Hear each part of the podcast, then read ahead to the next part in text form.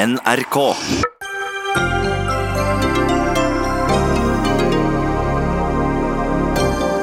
Flere enn 100 mennesker har dødd av smitten i Kina, og de første tilfellene av koronasmitte er bekreftet i Europa.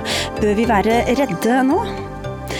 Et utvalg vil kutte gebyrer på små inkassokrav. Det kan føre til konkurser, hevder bransjeorganisasjonen Virke. I over 20 år har amerikanske biler blitt utstilt i Frognerparken i forbindelse med den amerikanske nasjonaldagen. Men i år har Bymiljøetaten satt foten ned. Helt urimelig, mener Amcar Norge. Og avisa Dagen har kåret Norges styggeste kirkebygg. Fullstendig useriøst, hevder lederen av Kirkerådet.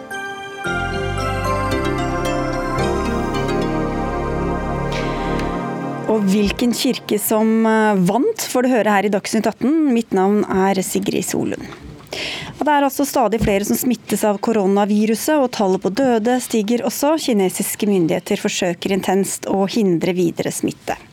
Are Berg, du er overlege ved Folkehelseinstituttet. Hva er siste nytt nå om hvor langt viruset har kommet, og hvor mange som er smitta?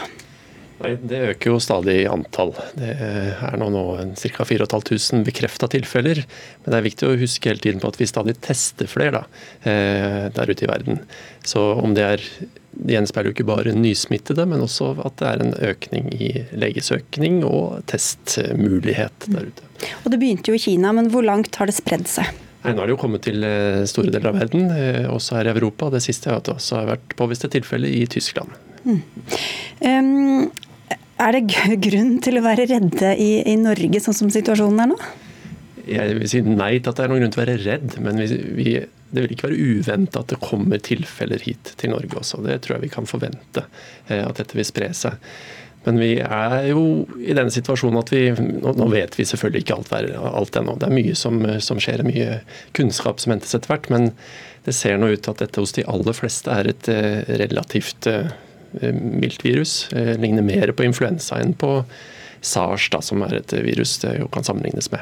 Vi kan høre snart om hva vi gjør i Norge, men Kristin Dale, du er forsker ved Fafo og har forsket på kinesisk helsevesen. Hva gjør de nå i Kina for å forsøke å hindre videre smitte?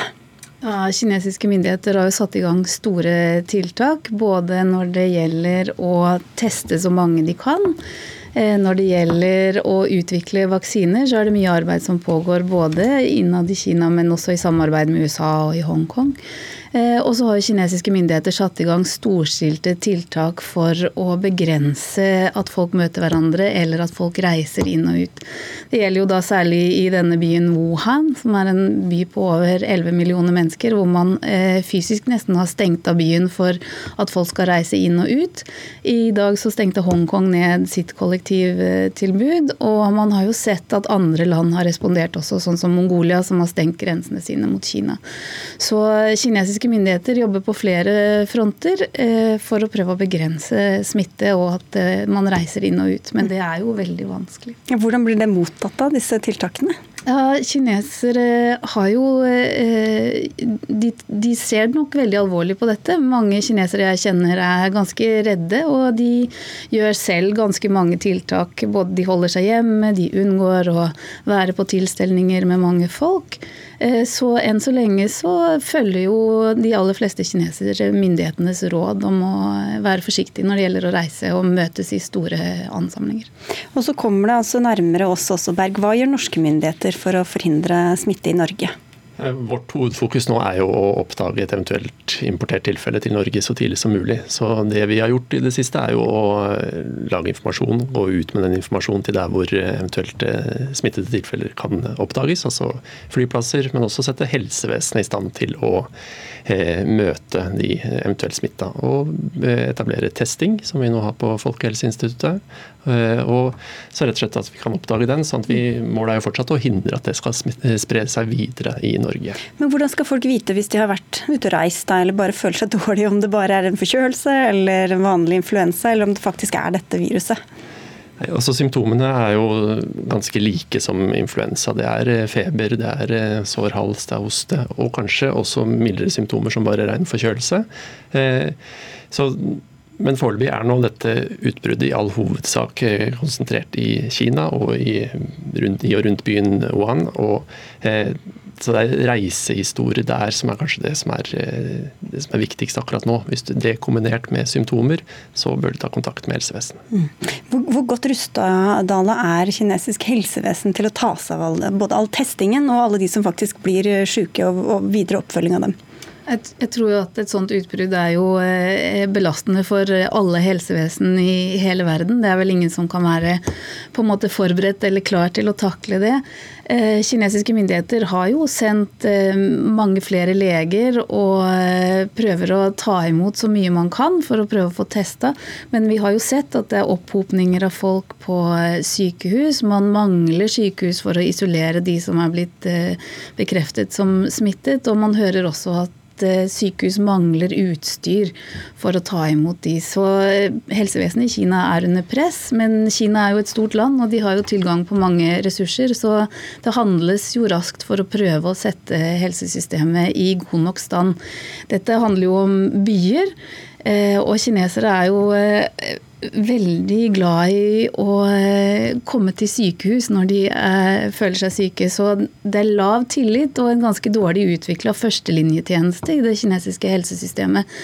Så da får man jo også en opphopning og ansamling av mennesker som kommer til sykehusene for å bli eh, testet. Og det kan jo være økt press på et helsesystem som kanskje i første rekke burde ta seg av de som er eh, høyest sannsynlighet for å være smitta. Ja, for de blir vel også bedt om å egentlig ikke komme til sykehuset hvis de bare har noen litt vage symptomer? Ja, det er vel samme rådene som blir gitt her eventuelt. At man skal holde seg hjemme og ta kontakt med lege enten på telefon eller over internett. Men det er vanskelig hvis man er redd og man føler at man trenger hjelp. Så da eh, er det også en kultur for å gå til en spesialist i Kina.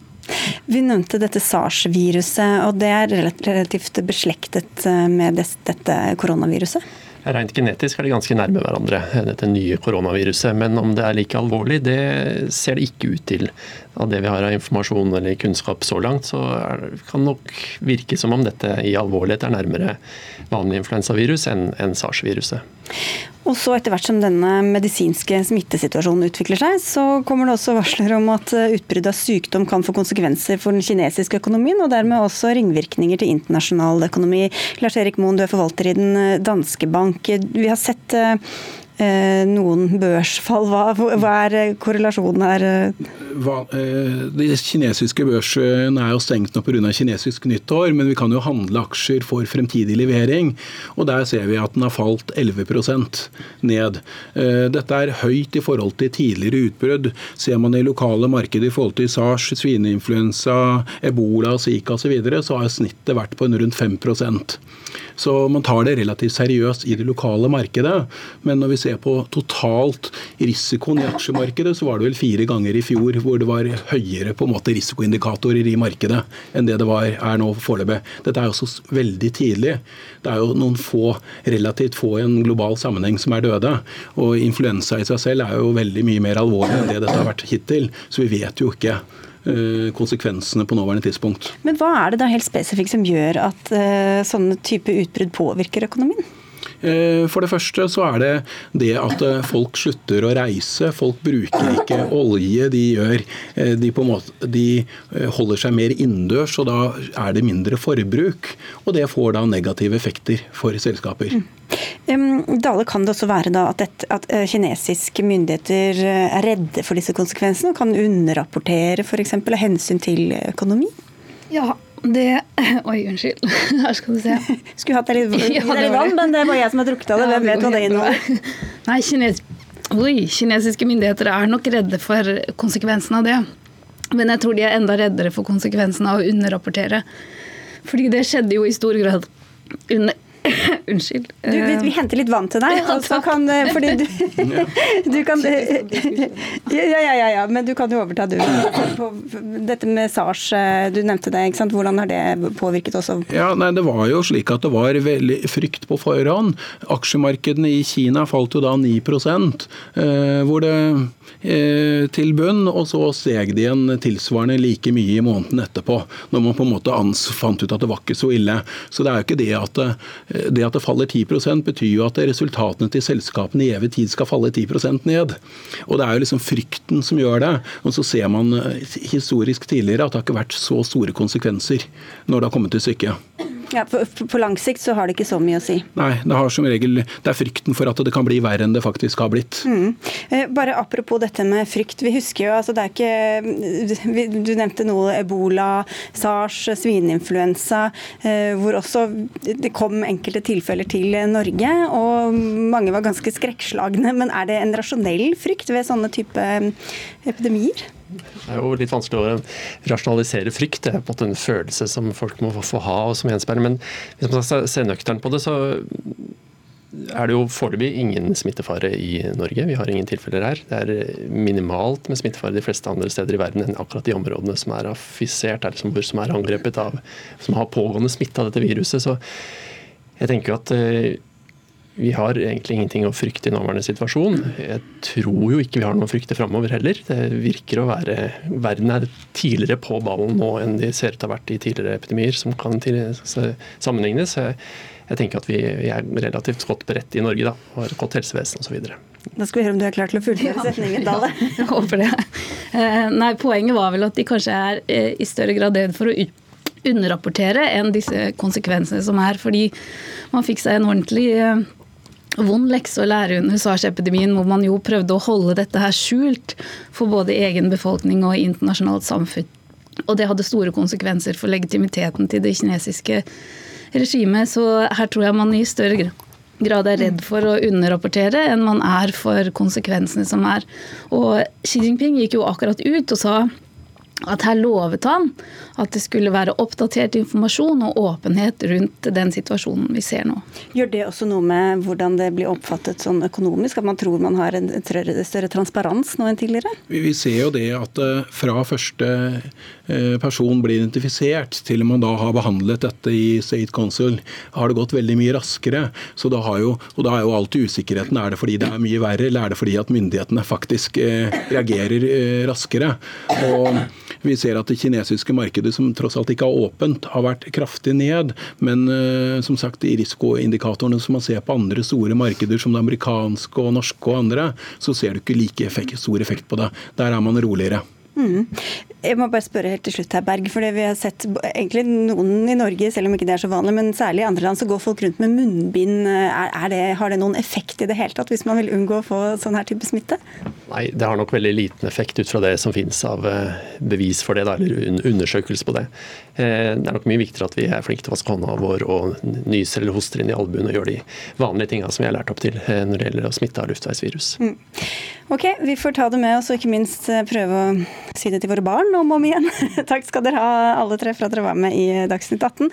Lars Erik Moen som er forvalter i Den danske bank, Kristin Dale forsker ved Fafo og Arne S. Berg som er overlege ved Folkehelseinstituttet.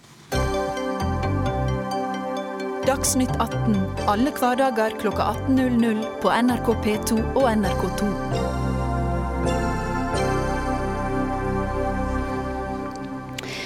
Det er nok mange som har sett små regninger vokse seg store gjennom purringer, gebyrer, salærer, men nå kan det bli billigere å være litt glemsk eller ha lite penger på konto. Inkassoloven fra 1989 skal bli ny, og en eh, arbeidsgruppe nedsatt av Justisdepartementet har kommet med forslag til endringer, skriver Aftenposten. Og Ifølge det nye forslaget så blir det ikke lenger mulig å ta så mye betalt for å drive inn særlig små krav, som f.eks. en regning fra legen som ikke ble betalt. Dere satt i arbeidsgruppa, men dette punktet er dere imot. Alexander Holand Nordahl, du er leder av Virke inkasso og økonomi. og Hvorfor er dere skeptiske til dette? Vi er jo ikke imot at det blir billigere. Det er Den gode nyheten her er at det blir billigere for forbrukerne. og Der har vi som bransje òg vært enige i at det har vært uh, uforholdsmessig mellom uh, gebyret og det totalkravet. Uh, det vi er uenige om, er at man har gått for langt. For dette forslaget gjør at vi som bransje får halvert inntektene. Altså det er 50% reduksjon i inntektene våre. Og da føler vi at da klarer ikke vi å opprettholde det samfunnsoppdraget som vi har. Gi et eksempel på hvordan det er nå, og hvordan det kan bli da i kroner og øre.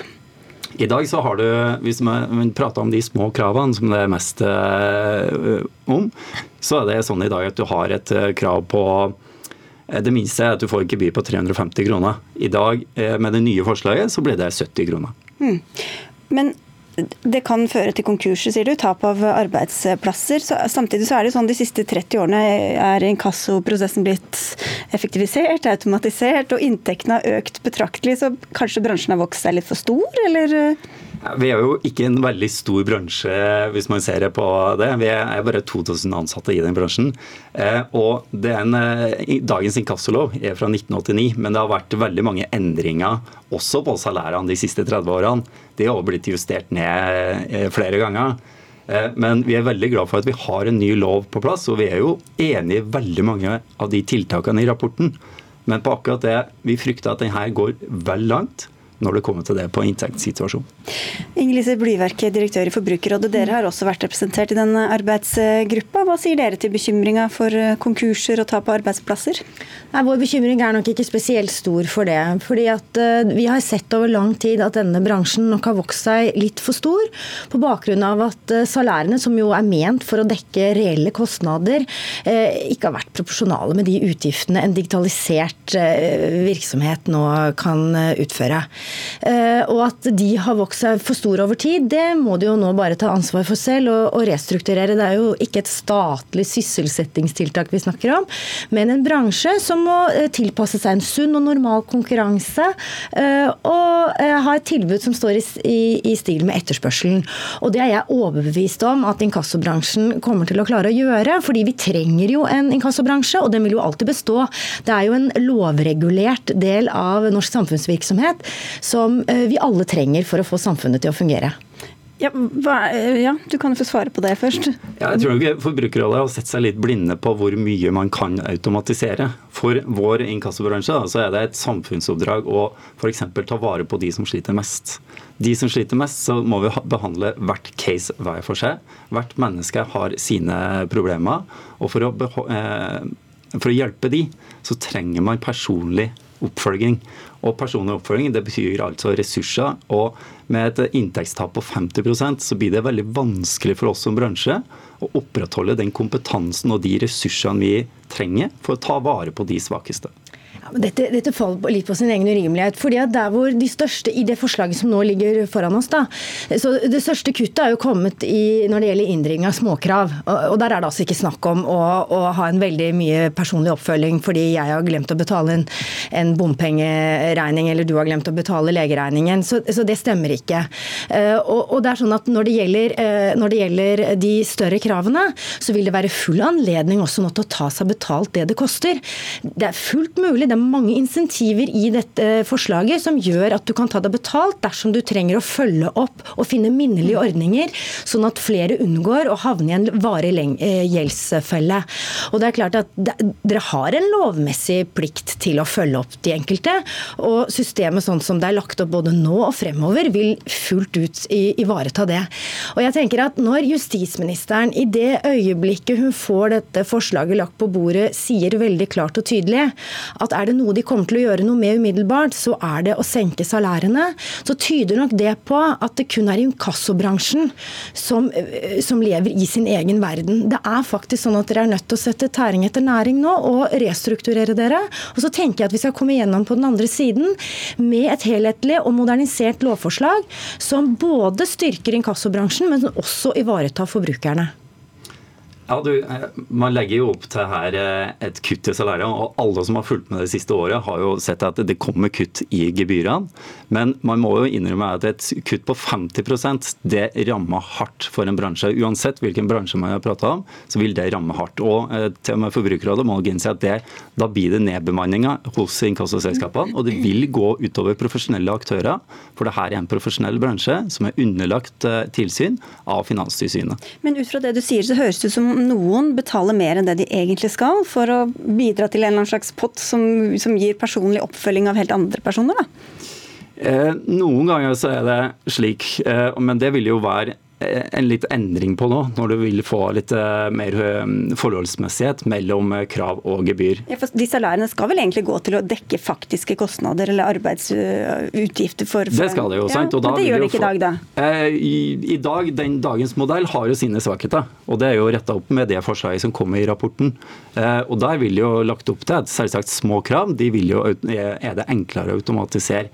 Men det er forskjell på et bompengekrav og det er et forskjell på et bank, bankkrav. Burde kanskje ha sørget for å, å ha en, en, et omdømme i i samfunnet i tråd med den utviklingen. For i stedet så har bransjen melket seg på at digitaliseringen har ført til at nettopp å inndrive mange av de mindre kravene har vært så ekstremt lønnsomme. På et eller annet tidspunkt så slutter det.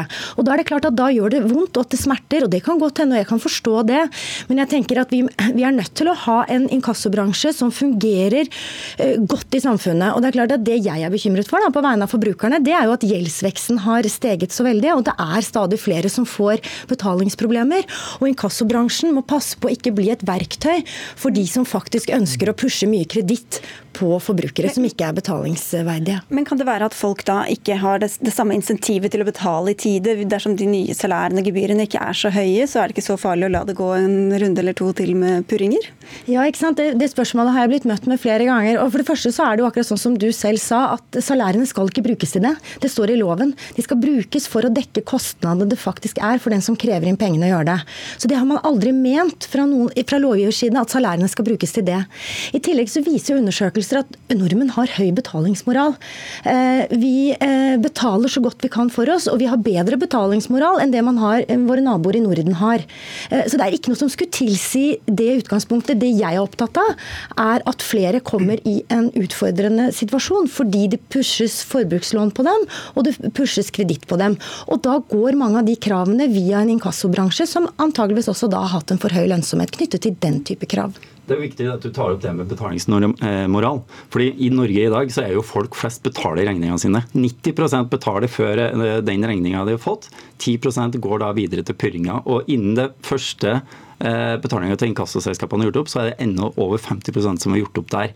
Så det, det, systemet vi har i dag, er jo med på å skape den betalingsmoralen vi har.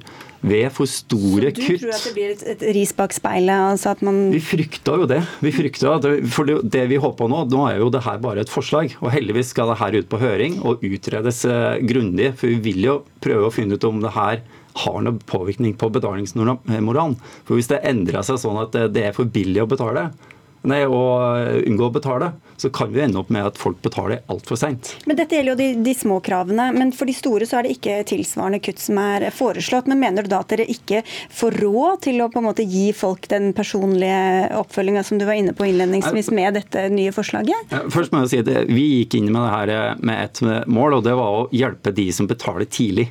Eh, og på de store kravene så er det hvis du betaler regningene dine eller eh, betaler løpet ditt før de første 60 dagene, så har du en 50% besparelse. Det gjelder også de store kravene. Så at det ikke er noen besparelse på de store kravene, det er feil. Det er også en besparelse på de som har høye krav. Her er det kutta over hele linja. Ja, det er en lang rekke forslag som jeg tror egentlig Virke Inkasso og Forbrukerrådet er enige om, som kan bedre og profesjonalisere denne bransjen, som vi ikke har kommet inn på. Men det er ikke noen tvil om at vi også ønsker å gå grundigere inn og se på de nivåene som, som er foreslått. fordi i utgangspunktet så klarer ikke jeg å se for meg heller at det skal være 72 ganger dyrere å, å sende den første første betalingsoppfordringen til 250 000 krav mot et, et 100 eh, kroners krav. For i utgangspunktet så er det akkurat den samme operasjonen. Så fra vår side så er det klart at vi også ønsker å se nærmere okay. på akkurat det. Skal vi avslutte her? Eh, ja, jeg må jo si at det er forskjell på å eh, kreve inn et bompengekrav på noen og 30 kroner, og et krav som er over 250 000 kroner. Et krav på over 250 000 kroner, der kreves det personlig oppfølging. Det er mye mer dokumentasjon som må til stede. Det ligger det, det mange forslag forslag til på at dere kan ta dere betalt for også utover i den innkrevingsprosessen. Okay. Men som Blyverk var inne på, så skader det kanskje ikke at dere blir litt mer populære hos befolkninga med litt lavere salær? Absolutt, absolutt, men derfor er vi jo litt eh, skuffa over at eh, Forbrukerrådet går inn for totalt frislipp og ikke går mot et forbud i Totalt frislipp? Det, det, nei, det, det, var en merkelig debatt. Vi har sittet i denne arbeidsgruppen sammen med eh, bl.a. Inkassobransjen, og vi er godt fornøyd med veldig mye av det som ligger der. Og vi har da også fram til nå i hvert fall trodd at det var dere også. Absolutt. og jeg er i hvert fall innstilt på at vi skal ha en velfungerende velfungerende inkassobransje i Norge, og jeg har ikke tenkt å slippe fri noe som helst. Forbrukerne har snudd på payback, og det er etisk betenkelig. nå ble det en hel ekstrarunde. Vi får fortsette den en annen gang. Takk skal dere ha, i hvert fall eh, begge to. Alexander Hola Nordahl, som er leder av eh, Virke inkasso og økonomi, og forbrukerdirektør Inger Lise Blyverke.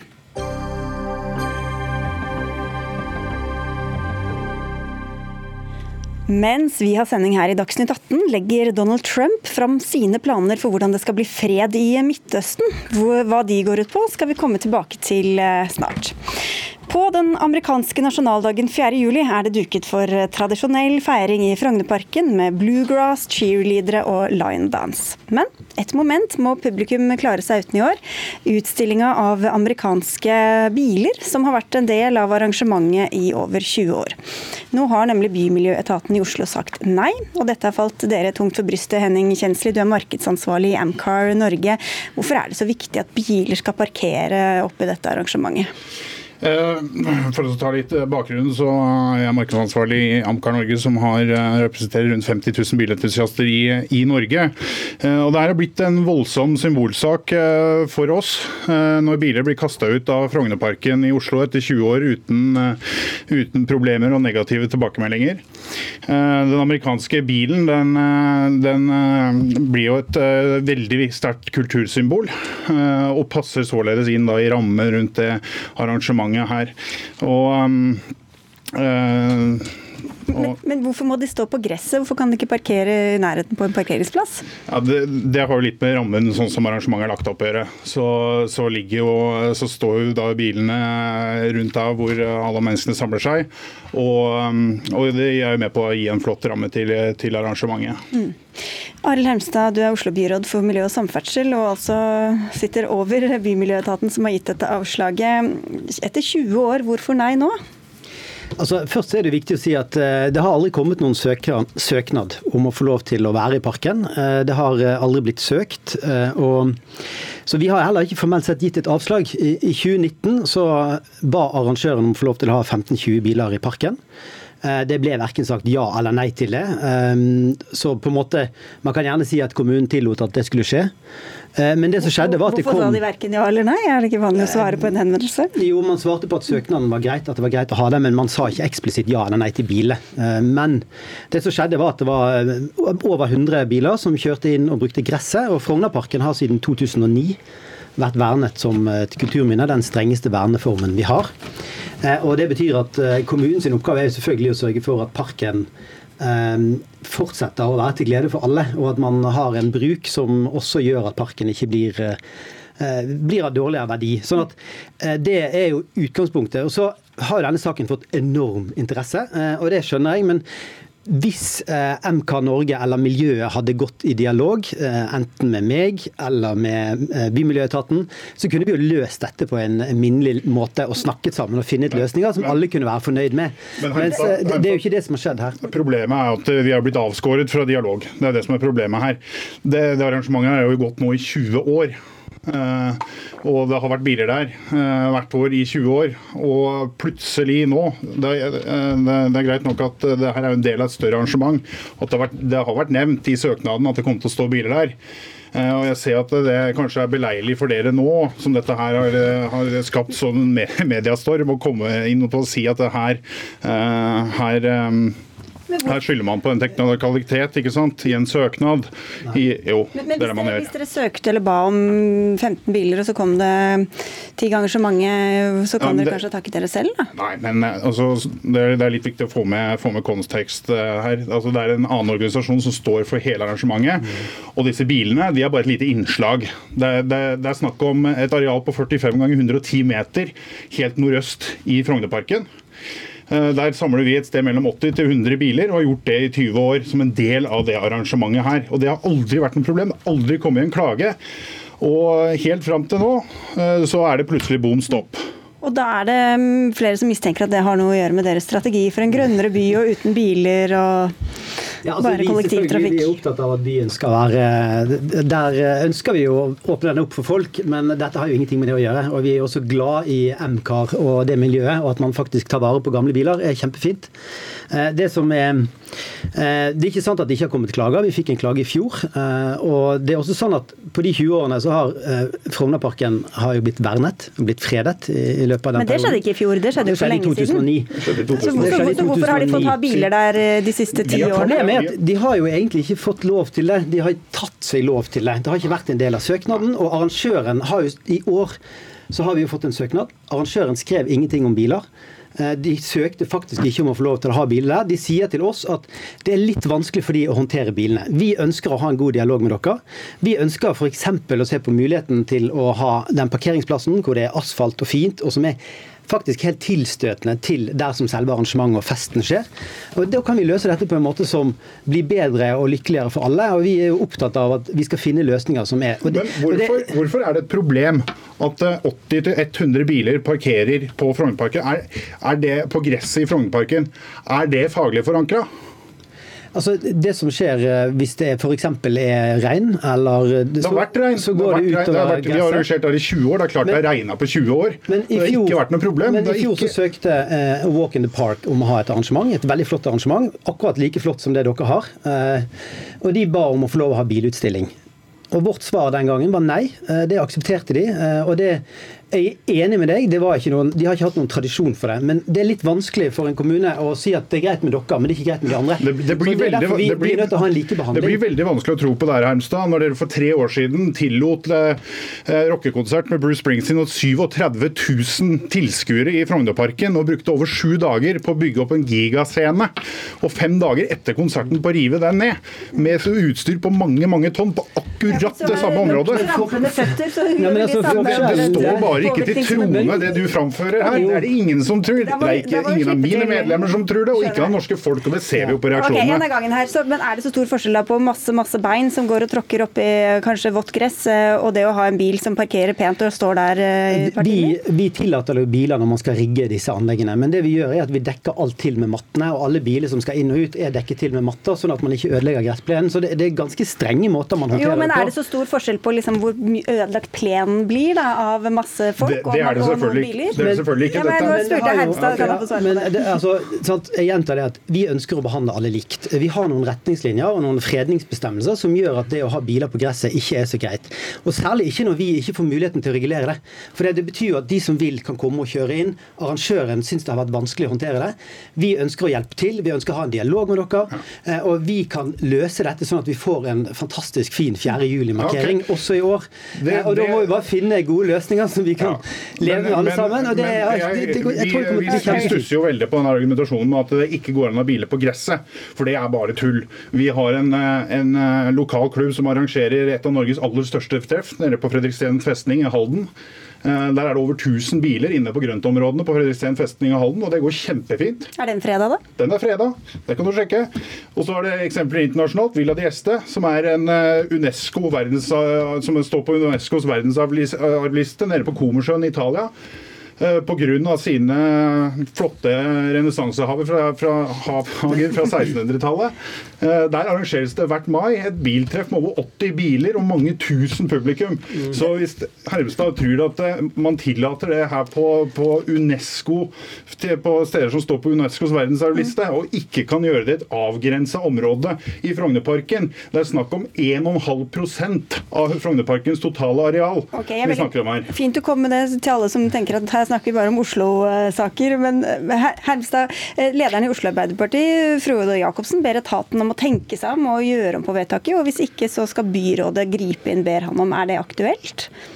Altså jeg synes generelt at, eh, at, ikke bystyrepolitikere skal uttale seg for mye om hva Bymiljøetaten skal gjøre og ikke gjøre, før de kjenner saken.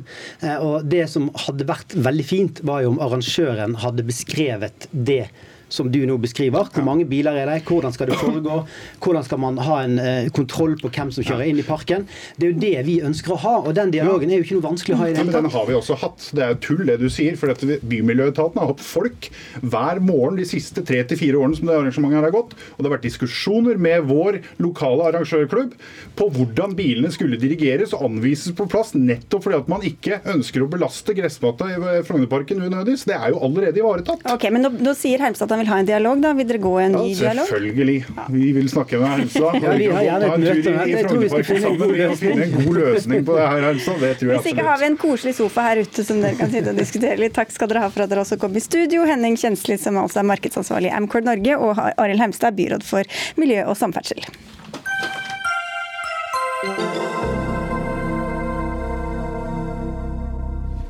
Vi får stadig høre at vi eh, bør spise mindre rødt kjøtt av hensyn til både helse og klima. Men gjør vi det, kan opptil 16 000 arbeidsplasser i landbruket gå tapt, og en tredel av matjorda gå ut av produksjon. Det viser i hvert fall rapporter som er bestilt av Matprat og Animalia. Men Dag Henning Reksnes, direktør i Matprat, det er jo kanskje ikke så oppsiktsvekkende at det blir noen færre arbeidsplasser hvis færre skal produsere kjøttet vi skal spise mindre av? Nei, disse Arbeidsplassene er spredt utover hele verdikjeden, fra bonden og opp til industrien. Men eh, jeg eh, har mer lyst til å ha fokus på hva som skjer med matproduksjonen vår. Hvis vi tar ned produksjonen av rødt kjøtt. Og det som skjer da, det er at eh, en god del av det arealet vi i dag bruker til matproduksjon, går ut av produksjon. Og Det har konsekvenser i forhold til matsikkerheten vår og i forhold til vår evne til å produsere mat til Norge. Mm. Vi skal gå videre med det, men bare høre litt mer om disse eh, rapportene. Fordi Matprat, hvor du er direktør, eies av Opplysningskontoret for kjøtt og egg og kjøtt. Animalia av kjøttprodusentene i Nortura og Kjøtt- og fjørfebransjens landsforbund. Så rapportene dere har bestilt, kan man jo si at kommer som bestilt. og Som man spør, så får man svar? Ja, Det er jo selvfølgelig bestilt, men forhåpentligvis, og det tror jeg også, er det levert av to institusjoner som har interesse av å levere et faglig solid grunnlag, og ikke et bestillingsverk. Og Vi er heller ikke tjent med noe bestillingsverk. Vi trenger å få fram fakta, og det vi, grunnen til at jeg har tatt initiativ til disse rapportene, er jo fordi at eh, det foregår en god del diskusjon om kjøttproduksjon, spesielt rødt kjøtt, i Norge. og Det er viktig at den diskusjonen ser på et saklig grunnlag, et faglig grunnlag, og får fram nyansene i det her. Harald Moskvild, du er landbrukspolitisk talsperson i Miljøpartiet De Grønne. Hva mener du eh, vi kan lese ut av disse rapportene?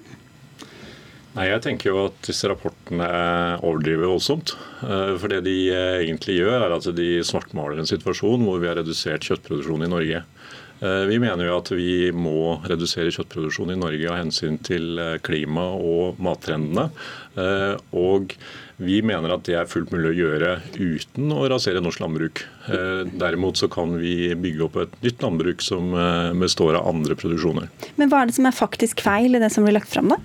Det vi ser i rapporten er at de stiller noen forutsetninger hvor de på en måte fortsetter egentlig å kjøre landbruksproduksjonen på samme gir som i dag. Dvs. Si full fart med importerte råvarer eh, i stor, eh, stor, grad, eh, og med samme struktur. Så vi mener jo at hvis man skal gjøre en, en, en så stor endring som rapporten snakker om, og redusere kjøttproduksjonen med 45% da må vi også legge om kjøttproduksjonen, og så må vi utnytte ledige arealene på en ny måte. Mm. Ja, da er jo rapportene litt mer nyanserte. Da, og Det er jo tross alt en del eh, forskjellige scenarioer som er opp. Alt fra 5 reduksjon opp til 45 som det mest ekstreme. Men eh, vi har jo sett på det med 25 kjøttreduksjon som det mest sannsynlige hvis trenden vi ser i dag fortsetter. Og så eh, syns ikke vi eh, at rapportene overdriver. De beskriver en, en framskriving av situasjonen ut fra det vi står i i dag. Men fordi tar utgangspunkt i det, og ikke at man kan gjøre ting på en annen måte. Hvorfor gjør det ikke det? Jo, du kan gjøre mange ting på mange måter, men de forutsetningene vi har i dag, det er jo det rammeverket som ligger for norsk landbruk, og det er jo vedtatt av Stortinget. Så hvis en ønsker å gjøre store endringer som gjør at det er mulig for bonden å produsere lønnsomt på en annen måte, så forutsetter iallfall det en stor politisk prosess. Det vi har sagt, er at med dagens rammeverk og dagens avtalesystem, så vil det, hvis en reduserer kjøttproduksjonen vesentlig, ha store konsekvenser for det areal produserer mat på i Norge. Og det er jo heller ikke i tråd med det FN har sagt, at vi skal produsere mest mulig mat på de nasjonale ressursene som finnes her. Og Det er for Norges del stor del grasmark og utmarksbeite. Og vi mener jo at det er rimelig bærekraftig å produsere norsk rødt kjøtt på det. Men samtidig så spiser vi jo mange flere kilo kjøtt i året nå enn det vi gjorde for en del tiår siden. Men var det da så mange færre arbeidsplasser og så mye mindre matjord før i tida? Nå har jo landbruket gjennomgått en stor effektivisering. Og eh, det har blitt mindre matjord som er, i dag er i drift, ja. Men det er effektiviseringa som har gjort det, fått et mer eh, intensivt eh, landbruk. Ja, Det er vel det MDG vil gjøre jo, om på? Men da, så er det en viktig ting til. da. Og det er nemlig at En god del av den kjøttforbruket som har kommet, det er jo kjøtt, altså fjørfekjøtt. Mens derimot når det gjelder forbruk av rødt kjøtt, så har det stort sett holdt seg konstant de siste åra. Så den store endringa kom at vi spiser mye mer hvitt kjøtt, og da fjørfekjøtt. Ja, de siste årene, men i tiårene før det så var det økte. Ja, det er jo naturlig at kjøttforbruket øker i hvert som velstanden øker. Det ser vi i mange andre land. Mm. Men ifølge en av forskerne bak rapportene herr her i Moskvil, så er det jo, som han er inne på her, en del av gressområdene. De er ikke egnet som matjord. Hvordan skal dere løse det problemet? Nei, de, de, skriver jo det, men det de bommer på der, det er jo at det er i prinsippet bare en tredjedel av arealet som bare kan brukes til gress. De andre to tredjedelene er det veldig masse muligheter på. Det vi ser er at med å omgjøre produksjonen, så kan vi produsere mye mer grønnsaker i Norge. Vi kan produsere mye mer proteinvekster som både kan spises direkte og som kan inngå i kraftfôr. Men da må vi legge om måten vi produserer på, og vi må bruke hele landet. Så vi er jo den oppfatning at vi kan gjøre dette uten at det går areal ut av drift. Og samtidig som vi omstiller landbruket til å gi nye inntekter på nettopp den grønne sektoren. Nå sier jo rapporten at det er fullt mulig å øke produksjonen av eh, det grønne i Norge. Og det er fullt mulig å ta proteinvekster. Men en god del av disse proteinvekster Altså bønner og andre ja, sånne ting. Men en god del av disse konkurrerer jo med det kornet vi produserer i dag. Sånn at det blir ikke mer areal å produsere på. Jeg tror det er viktig å få fram at vi har 3% jordbruksareal i Norge. 3% av vårt samla areal er jordbruksareal. 2% av det best egnet til å dyrke gress på. 1% står igjen til å dyrke da korn og bønner og andre proteinvekster. Men vi har 45 av arealet vårt som er beitemark. Så det er jo rimelig fornuftig synes vi, da, å bruke den beitemarka til å produsere kjøtt. Og da med drøvtyggere. Og da blir det rødt kjøtt. Ja, ikke sant? Men ifølge deres egne nettsider eh, så spiser over halvparten av norske menn mer rødt kjøtt enn anbefalt. Så hvordan kan dere da samtidig advare mot å kutte i kjøttforbruket? Altså, det Kutt i kjøttforbruket det har konsekvenser på et helt annet nivå. Nå snakker vi individuelt nivå. Ja, ja, men det, de er jo mennesker som skal spise det kjøttet her. Da. Eventuelt kaste det på et lager hvor det ligger ja, skrått på skrått. Ja, det er en misforståelse, vi kan ta en annen diskusjon. Men uh, når det gjelder kjøttforbruk i Norge, hvis du ser på gjennomsnitt kjøttforbruk på hele befolkningen, så ligger vi nesten i tråd med kostholdsrådene. Det er en del menn som spiser for mye kjøtt. Og Det er noe vi er opptatt av, og vi anbefaler jo alle å følge kostholdsrådene. Altså spise variert, og spise mye frukt og grønt. og kjøtt og meieriprodukter i samsvar med kost. Mm. Men, dere, men, men, er du enig i at det høres litt sånn ut som to forskjellige budskap? At både sier at halvparten spiser for mye kjøtt, samtidig som dere advarer mot å kutte i kjøttforbruket? Nei, men eh, Du tar et individnivå, og vi snakker om et makronivå. og Det er vi opptatt av. Som De som er vegetarianere i dag, må spise mer kjøtt? Nei, altså folk må få spise det de vil. Men poenget er at hvis du tar ned kjøttforbruket vesentlig i Norge, har det stor betydning for vår matsikkerhet og forsyningsevne. Og det er noe som kanskje er viktigere å ha fokus på nå. Og så får de som spiser for mye kjøtt, de får vi jobbe med å få til å spise mindre kjøtt. Det må jeg svare på. Fordi Vi mener jo at med å legge om altså det å produsere mat direkte som du kan spise, så kan vi øke matsikkerheten i Norge. Det er fullt mulig å øke matsikkerheten og produsere mer enn mat i Norge, men vi må unngå å gå den lange veien om dyret på de arealene hvor vi kan dyrke noe annet. Hvor skal dere finne de arealene? Hvis... De fins. De ja. fins. Ja, ja, de finnes, så Det er bare et spørsmål om å utnytte det. og Det betyr at vi må dyrke, begynne å dyrke grønnsaker på Vestlandet igjen, f.eks. Det har vi nærmest sluttet med i mange områder. Eh, og vi må begynne å, å, å dyrke korn på de beste arealene osv. Her er det masse muligheter, og de mulighetene gir inntektsmuligheter for bøndene. Sånn at denne rapporten her, den forsøker å svartmale situasjonen. Ganske mye omlegginger også, da. Ok, du skal få si Jeg syns ikke noen svartlegging. Jeg syns rapportene som har kommet fram er ganske realistisk beskrivelse av en situasjon vi kommer til å stå i dersom kjøttforbruket går ned. Og det går helt sikkert an å logge seg inn på deres, eller klikke seg inn på deres nettsider og finne rapportene, så kan man jo vurdere selv. Takk skal dere ha begge to. Dag Henning Reksnes er direktør i Matprat, og til Harald Moskvil som er altså landbrukspolitisk talsperson i MDG. Hør Dagsnytt 18 når du vil. Radio NRK Radio.nrk.no.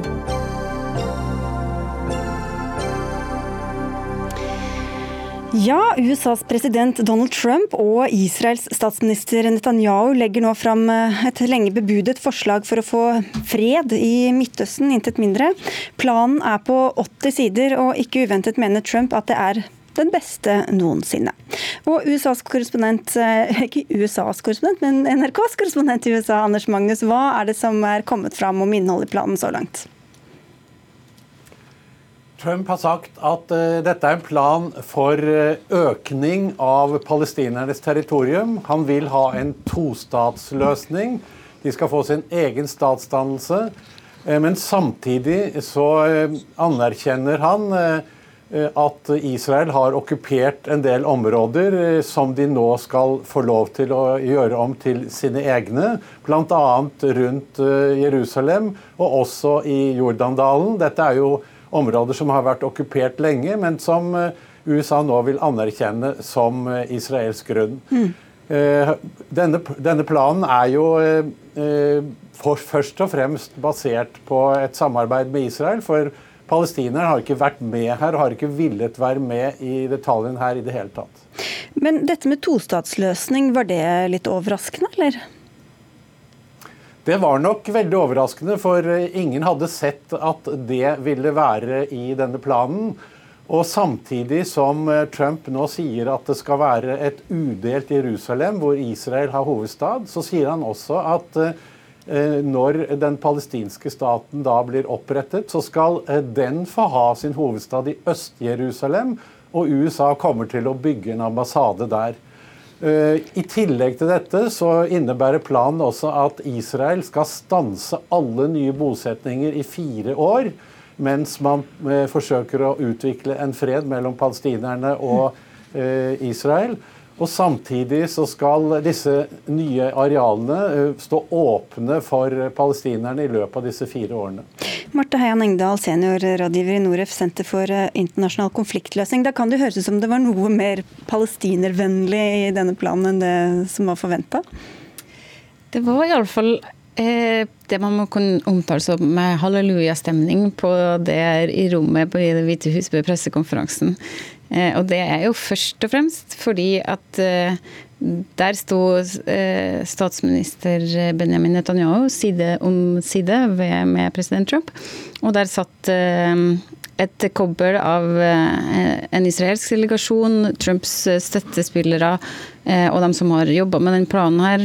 Og jeg tror, selv om det er liksom en hist og her er, en, noe til palestinerne nå, så må vi ta et steg tilbake og så innse at det her er først og fremst et helt ubeskjedent frieri til egne velgere, til Netanyahus velgere, eh, til sine egne mektige finansielle donorer og til den israelske høyresida. Ja, for dette er en plan som er blitt eh, utsatt, flere ganger, og som nå ble framskynda. Da er det noe med timing og kontekst som du er litt eh, opptatt av i denne sammenhengen?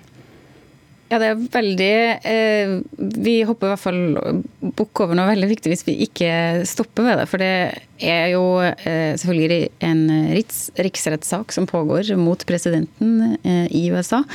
I Israel så er statsminister Netanyahu tiltalt for korrupsjon og alvorlige anklager om det.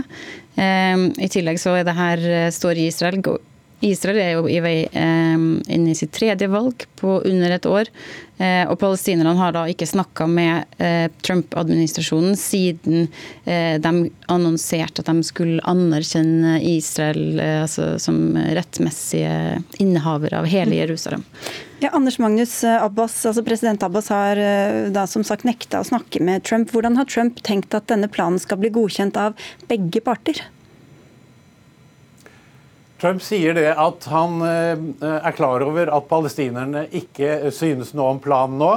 Eh, han eh, prøvde å ringe til Abbas i går. Abbas ville ikke snakke med han. Nå har han sendt et brev til Abbas. Og Trump sier at selv om palestinerne ikke liker denne planen nå, så kommer de til å like den, bl.a. fordi den kan skape et, et Palestina med velstand og arbeidsplasser. Det er jo en annen del av planen at hvis palestinerne går med på de politiske rammebetingelsene her, så skal de få eh, så mye som 50 milliarder amerikanske dollar i hjelp til å bygge ut næringsliv. Trump sier at det vil komme én million nye jobber. Men en annen forutsetning er at de møter visse krav, f.eks. at de legger vekk alle former for terror overfor Israel. Så, så det, er, eh, det, er, mange Det er både gulrot og eh, og pisk her i denne planen, men så langt så har altså eh, palestinerne bare blankt avvist eh, alle tilnærmelser fra Trump. Hva er egentlig det realpolitiske her, Marte Heian Engdahl, i denne planen? Jeg vil være helt eh, skeptisk til å bruke fredsplan som begrep på det her i det hele tatt. Ikke kommer det til å lede til fred. Og ikke er det særlig mye plan. Det er en Eh, det er en varsla politikk. Eh, det, det er Trump-administrasjonens eh, ønske og vilje det har vært i mange år. Det er en sterk driver i den amerikanske ambassadøren til Israel, som også satt i salen i dag, og til Sheldon Adelson, en viktig donor til Trump-kampanjen. Dette er ting som I planen her, eller i det her forslaget fra Trump, så ligger det nok løfter som har kommet underveis i valgkampen, og de pengene har Eh, det skal betales tilbake i en eller annen form. Og så er det litt Eh, altså, det hadde det, Med forbehold om at jeg ikke har lest de 80 sidene, og at jeg kommer rett fra et foreldremøte på skolen, da jeg ikke har fått hørt absolutt alt. Så eh, det, det, jeg så, det, det, hadde nesten vært artig hvis det ikke hadde vært at det var så tragisk for så mange. For det her er jo faktisk millioner av palestinske liv vi snakker om, og skjebnen til masse folk i regionen. Eh, og sånn sett så er det Det er trist at man at man har kommet til det steget at ikke bare har amerikanerne nå tatt ytterligere mange steg eh, vekk fra en fredelig løsning på Israel-Palestina-konflikten, men vi vil også må anta at det her skaper en store vansker for Europa, og inkludert for Norge, for hvordan man skal navigere i dette terrenget framover. Du får dra hjem og lese resten av de 80 sidene, og så får eh, vi se hva slags reaksjoner som kommer eh, etter hvert. Takk skal dere ha begge to, Marte Heian Engdahl, og også takk til deg, Anders Magnus.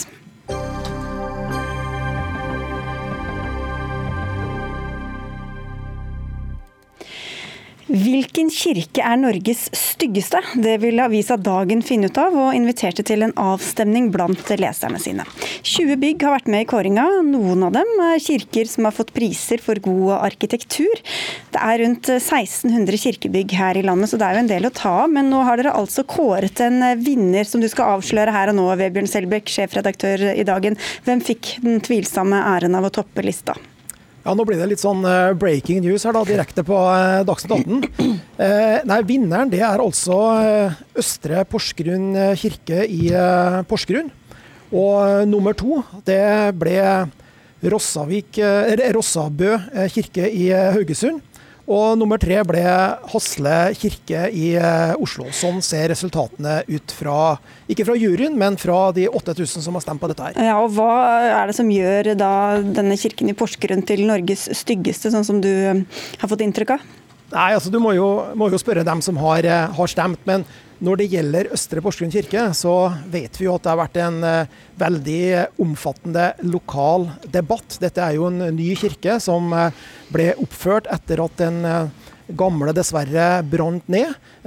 og denne kirka var da veldig, veldig annerledes enn eh, den mer tradisjonelle kirka som ble Flammenes rov. Og jeg tror nok at det har eh, medvirka her. Det er klart Denne debatten har vært så oppheta i Porsgrunn at den jo til og med har nådd Dagsrevyens eh, sendeflate. Tenk det. Kristin Gunnleiksrud Råm, du er leder i Kirkereddet og har ikke stemt på noen av disse kirkene. Du sier det er noe tøv. Hvorfor er det så tøvete å snakke om hvilke kirkebygg som er fine og ikke? Nei, altså jeg er blitt beskyldt for å mangle humor eh, når jeg reagerte på dette. Eh, og det handler jo overhodet ikke om det. Det handler vel egentlig mer om å skille mellom hva som er morsomt og hva som er litt plumpt. Eh, vi må gjerne diskutere kirker, både utseende og hvordan vi bruker dem og hva som skjer i dem. Og det skjer hele tiden. Det er masse diskusjon om kirkene. Men en kåring, eh, det syns jeg rett og slett blir for dumt. Og det nører opp under en type diskusjon. Vi hørte det jo her, det var jo ikke mulig å få noen begrunnelse for hvorfor denne kirken er kåret til den styggeste. Og da mener jeg at en sånn diskusjon, det tilfører ingenting. Og så er det veldig mange som er glad i kirken sin og syns den er finest fordi den er min. Mm. Og eh, midt oppi det så syns jeg at en sånn kåring ble bare litt meningsløs. Ja, for Det er jo ikke lenge siden Vebjørn Selbekk, at du satt her og forsvarte hvor viktig alle kirkene var rundt omkring i det ganske land. Så hvorfor skal dere sette et så negativt lys på mange kirker hvor folk har eh, hatt gravferd, de har døpt barna sine, de har gifta seg, kirker som er viktige for dem, men som nå blir satt i et ordentlig negativt lys? Jeg, jeg, jeg syns jo at uh, denne uh, avstemminga her viser jo nettopp uh, hvor mye kirka betyr for uh, mennesker. Og det er jo like... Hvordan viser den det? Viser jo hvilke bygg man syns er stygge? Fordi at det er likegyldigheten som er problemet til Den norske kirke. Denne avstemminga, den store engasjementet her, alle de ja, 20 kanskje lokalaviser, regionale medier som har omtalt dette, riksmedier. Det viser at det koker rundt omkring. Folk er opptatt av kirka si, og folk er opptatt av hvordan den ser ut. Også til dette med en begrunnelse Men, av Nå må ikke du ta æren for at kirkene diskuteres, altså. Og, at denne, og denne kåringen, det er jo ikke riktig det som du sier, at dette har ført til engasjement rundt kirkene. Eh, det det har ført til et engasjement rundt, det er hvorvidt det er riktig å ha en sånn kåring. Og Det er faktisk noe helt annet. Og Vi vet fra medlemsundersøkelser at eh, engasjementet for kirkene er veldig høyt. Folk bryr seg om kirkene deres. Det er riktig som du sier, der har de ha, gjort noen av de viktigste handlingene i livene sine om å gifte seg med den de elsker, og begrave dem de er glad i, og døpe barna sine. Så det er viktige bygg for folk. Og den diskusjonen om at Kirken er viktig, og hvordan de skal se ut, den har pågått bestandig. Denne kåringen er ikke en diskusjon om kirker, det er en rangering. Og uh, handler om altså noe helt annet. Neida, og at du neida. forsøker å ta du, æren for et engasjement. Det som har vært engasjement i spaltene dine, Vebjørn Selbekk, det er jo om denne kåringen er dum eller ikke. Det er det engasjementet har utløst. Eh, det, det, eh, dette syns jeg blir litt sånn uh, humørløst, gravalvorlig og litt sånn elitistisk. Det er klart at dette her viser et engasjement for kirkene. Det viser at vanlige folk er opptatt av hvordan kirka si ser ut.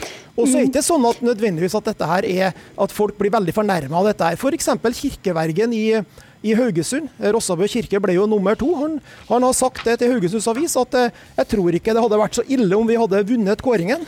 Det kunne bare skapt enda mer engasjement okay, for kirken. Og så er det andre som sier andre ting. Som sier at ja, det men, men bare, bare, til dette, dette med kriteriene. Altså, hvis vi ser på bildene av disse 20 kirkene dere har valgt ut, så er det ganske mange nye bygg. Altså alle, Det er vel ingen som er eldre enn noen tiår her. Eh, en del med veldig moderne uttrykk. Så hvilke kriterier har dere gått etter når dere skulle velge ut kirker? Nei, Dette er jo en uhøytidelig kåring, eh, som nevnt. og Vi ønsker ikke å tråkke på noe. Nei, men hvilke, hvilke kriterier ser. hva er det dere har sett etter? Det som var utgangspunktet her, det var en Twitter-debatt. der Det var en student som la ut et bilde av en sånn Eh, betongkirke fra 70-tallet. Det var vel en sånn, var vel Jørpeland kirke, bygd 1969.